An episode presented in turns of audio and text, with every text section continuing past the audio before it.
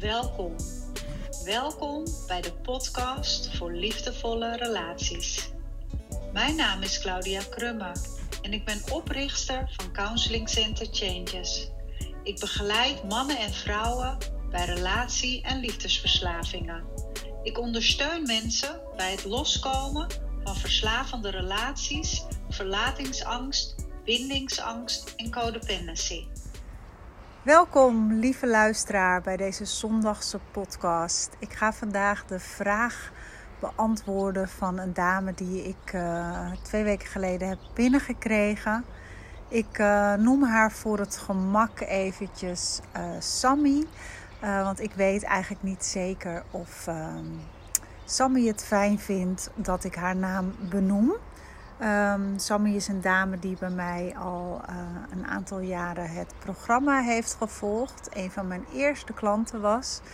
En um, inmiddels ook uit haar verslavende relatie bevrijd is. Een heel proces heeft doorgemaakt. Maar nu uh, een volgende stap is ingeslagen. En daarin uh, weer van alles tegenkomt. Ik zal even kort haar vraag voorlezen. Ze zegt: Hoi Claudia, ik heb een vraag voor de podcast die ik iedere zondag graag luister. Sinds oktober 2019 is het me gelukt mezelf uit een narcistische relatie te bevrijden die zeven jaar heeft geduurd. Na drie jaar van herstel heb ik vorige week voor het eerst weer een date gehad, op mijn initiatief. Ik werd nadien overspoeld door gevoelens van angst, onzekerheid en stress. Wat ik merkte en waar ik heel erg van schrok. Ik vertrouw mijn beoordelingsvermogen niet meer. Hoe kan ik met deze gevoelens omgaan of uit deze onzekerheid komen? Ik merk dat het me in de twilight zone houdt, terwijl ik zo graag een vrij leven zou leiden. Nou, super. Allereerst, um, Sammy, geweldig dat je dus nu inmiddels al drie jaar in herstel bent. En um, hè, ik weet wat voor voeten het in de aarde heeft gehad om, uh, om bij die drie jaar van herstel te komen. Ik kan me herinneren dat er ook heel wat terugval is geweest in het begin. Dus uh, alleen dat al is natuurlijk enorm bijzonder. Um, en die drie jaar die heb jij nodig gehad om, om de relatie met jezelf te herstellen. En um, je voelt nu dat je er weer klaar voor bent, of je dacht te voelen dat je er weer klaar voor was om weer een keer te gaan daten. Dus ook dat ontzettend moedig. En um, weet dat iedereen daar zijn eigen tijd voor heeft. Hè? De een uh, kan na een maand weer gaan daten, de ander na een half jaar, weer een ander na een jaar pas en jij na drie jaar. Dus dat is sowieso al helemaal prima. En het is heel erg logisch dat wanneer je dan iets nieuws gaat doen, wat je heel erg spannend vindt, dat je dan overspoeld kan worden door die gevoelens van angst, onzekerheid en stress. En um, jij weet ook hè, inmiddels in deze afgelopen drie jaar. Uh, dat jouw gevoelens de boodschappen zijn van je ziel en dat die jou ook um, helpen om te fungeren als een kompas en als een leidraad in je leven om je keuzes te kunnen maken. En ook weet je dat heel veel van je angsten en je onzekerheden dat die voortkomen uit het innerlijk kind en niet altijd per se de gevoelens van het innerlijk kind uit het verleden, maar ook gewoon de gevoelens die een link hebben hè, met dat verleden. Dus vanwege jouw achtergrond, hè, vanwege de teleurstellingen die je hebt meegemaakt in je leven, vanwege het narcistisch misbruik wat je hebt doorstaan, is er nu eenmaal um, een, een, een vertrouwen geschaad. Hè. Je hebt, um, bent dat vertrouwen ergens op de weg verloren. Dus dat vertrouwen moet weer heel langzaam worden opgebouwd. En wanneer bouw je vertrouwen op door nieuwe ervaringen op te doen, door positieve nieuwe ervaringen op te doen? En um, die heb je nog niet. Dus dat je overspoeld wordt door angst, onzekerheid en stress is eigenlijk niet meer dan normaal. Dus kijk of je jezelf kunt koesteren en ook deze gevoelens kunt omarmen en het gesprek met jezelf aan te gaan en ook hè, met het kleine meisje in jou wat bang is om opnieuw gekwetst te worden en wat zich onzeker voelt over het hele datingproces. En um, jezelf daarin gerust te stellen, je beste vriendin te zijn en haar te ondersteunen bij deze stressreactie. En uh, je geeft ook aan, hè, ik schrok heel erg van het feit dat je voelt dat je niet meer op je eigen beoordelingsvermogen kan vertrouwen. En is dat zo? dat is een vraag die je jezelf kan stellen. Want uh, misschien doet jouw beoordelingsvermogen het wel heel erg goed. Alleen is dit uh, nog niet het moment om daadwerkelijk een oordeel te kunnen vellen. En um, soms heb je iets meer dates nodig om daadwerkelijk een oordeel te kunnen vellen. en we weten allemaal, of de meeste van ons weten, dat als je te maken hebt met iemand um, wat niet voor jou de juiste persoon is, of als het iemand is met narcistische trekken, dan kan het zijn dat hij dat op de eerste date nog heel goed kan verbloemen. Dus logisch dat je iets meer tijd nodig hebt. Aan de andere kant kan het ook zo zijn dat er op de eerste date al alarmbellen gaan rinkelen omdat je inmiddels al zoveel ervaring hebt ehm, met partners uit eerdere relaties, dat je ook heel goed kunt voelen wat die alarmbellen zijn. En dan mag je daar ook naar luisteren. dus ga voor jezelf even na um, wat nou precies de gevoelens waren waar je zo van schrok. welke gebeurtenissen. Ik uh, loop even naar binnen ondertussen, want ik merk dat het hier wat druk wordt. Uh, misschien wat veel achtergrondgeluid. Ja, dus dat beoordelingsvermogen, dat werkt vast nog wel. Alleen je mag daarin jezelf ook de tijd geven. De tijd geven om een oordeel te vellen. En niet meteen te denken, het werkt niet meer dus het belangrijkste is dat je in contact blijft met jezelf, in dialoog. Ehm, en mogelijk, als je dit doorwerkt hebt met jezelf en je vindt het het waard om op een tweede date te gaan met deze persoon, dat je de ander ook deelgenoot maakt uh, van jouw onzekerheden. En dat hoeft niet heel diepgaand en je hoeft niet al je traumatische ervaringen uit je leven te delen. Maar je kunt best zeggen van nou, hè, ik heb wat teleurstellingen in mijn leven gehad en ik merk dat ik het heel spannend vind om weer opnieuw te daten. En daar hè, gewoon met een, met een lach en een beetje humor uh, het gesprek over te openen.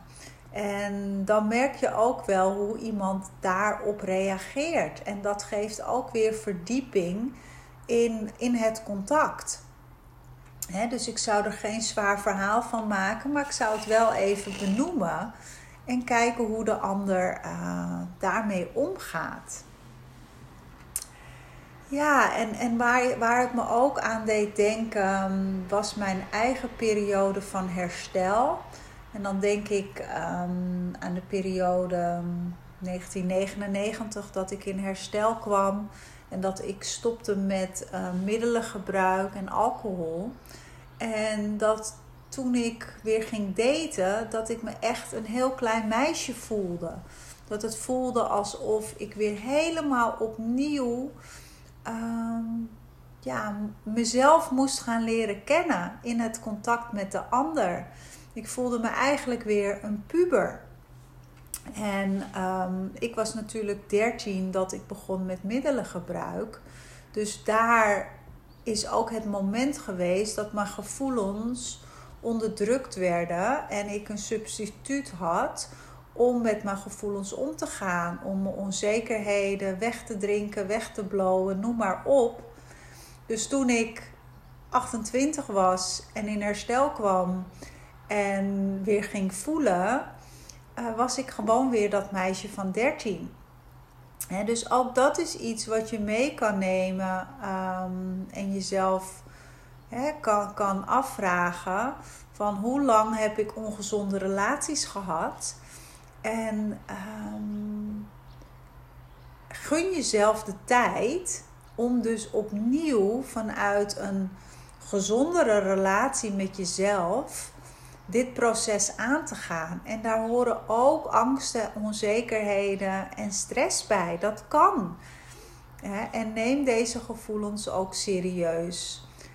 Alleen laat je er ook niet door weerhouden. Dus kijk of je ze echt kan ontrafelen. Of je ze op een tafeltje kan leggen en uit de verstrikking kan geraken. En misschien heb je daar iemand anders voor nodig, een vriendin of een coach. Zodat je kunt zien van welke angst hoort bij welk um, deel van mezelf. Is dit een angst vanuit eerdere ervaringen? Is dit een angst omdat er een alarmbel gaat? Of is dit een angst omdat het nieuw is?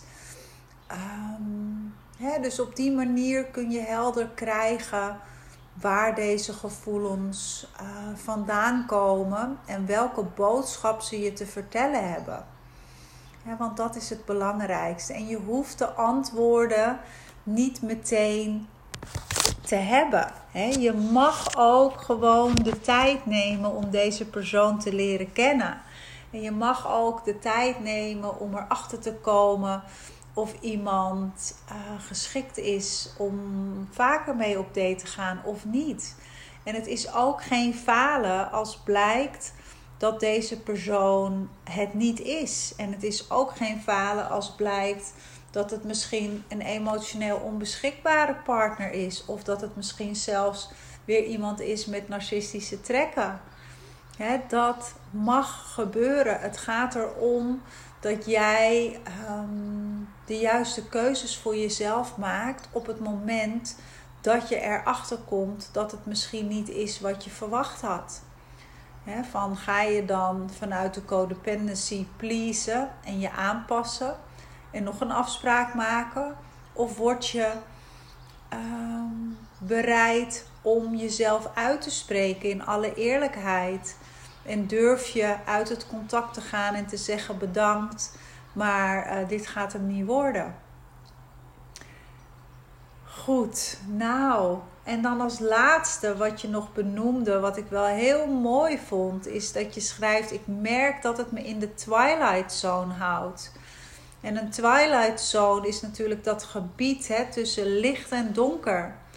Uh, maar ook dat gebied van um, herstel en heling, waar je, wat echt een proces is. En dat als je van een bepaalde plek komt, vanuit dat donker, vanuit die verslavende relatiedynamieken, dan ga je die overgang maken naar herstel.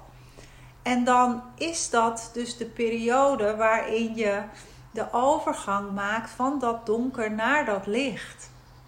Dus ja, je zit in die twilight zone. En uh, dat is helemaal goed. Dat is helemaal de plek waar jij op dit moment moet zijn. Hè? En sta jezelf ook toe om op deze plek te zijn. En vertrouw erop dat je op het juiste pad zit. En dat jij um, ja, steeds meer in het licht staat. Ook op dit uh, pad van daten. Goed, uh, ik ga deze podcast voor vandaag afsluiten. Ik wens jullie nog een hele mooie dag en tot, uh, tot een volgend moment. Doeg! Super bedankt voor het luisteren naar deze aflevering. Heb je iets gehad aan deze podcast? En denk je dat het ook waardevol voor een ander kan zijn?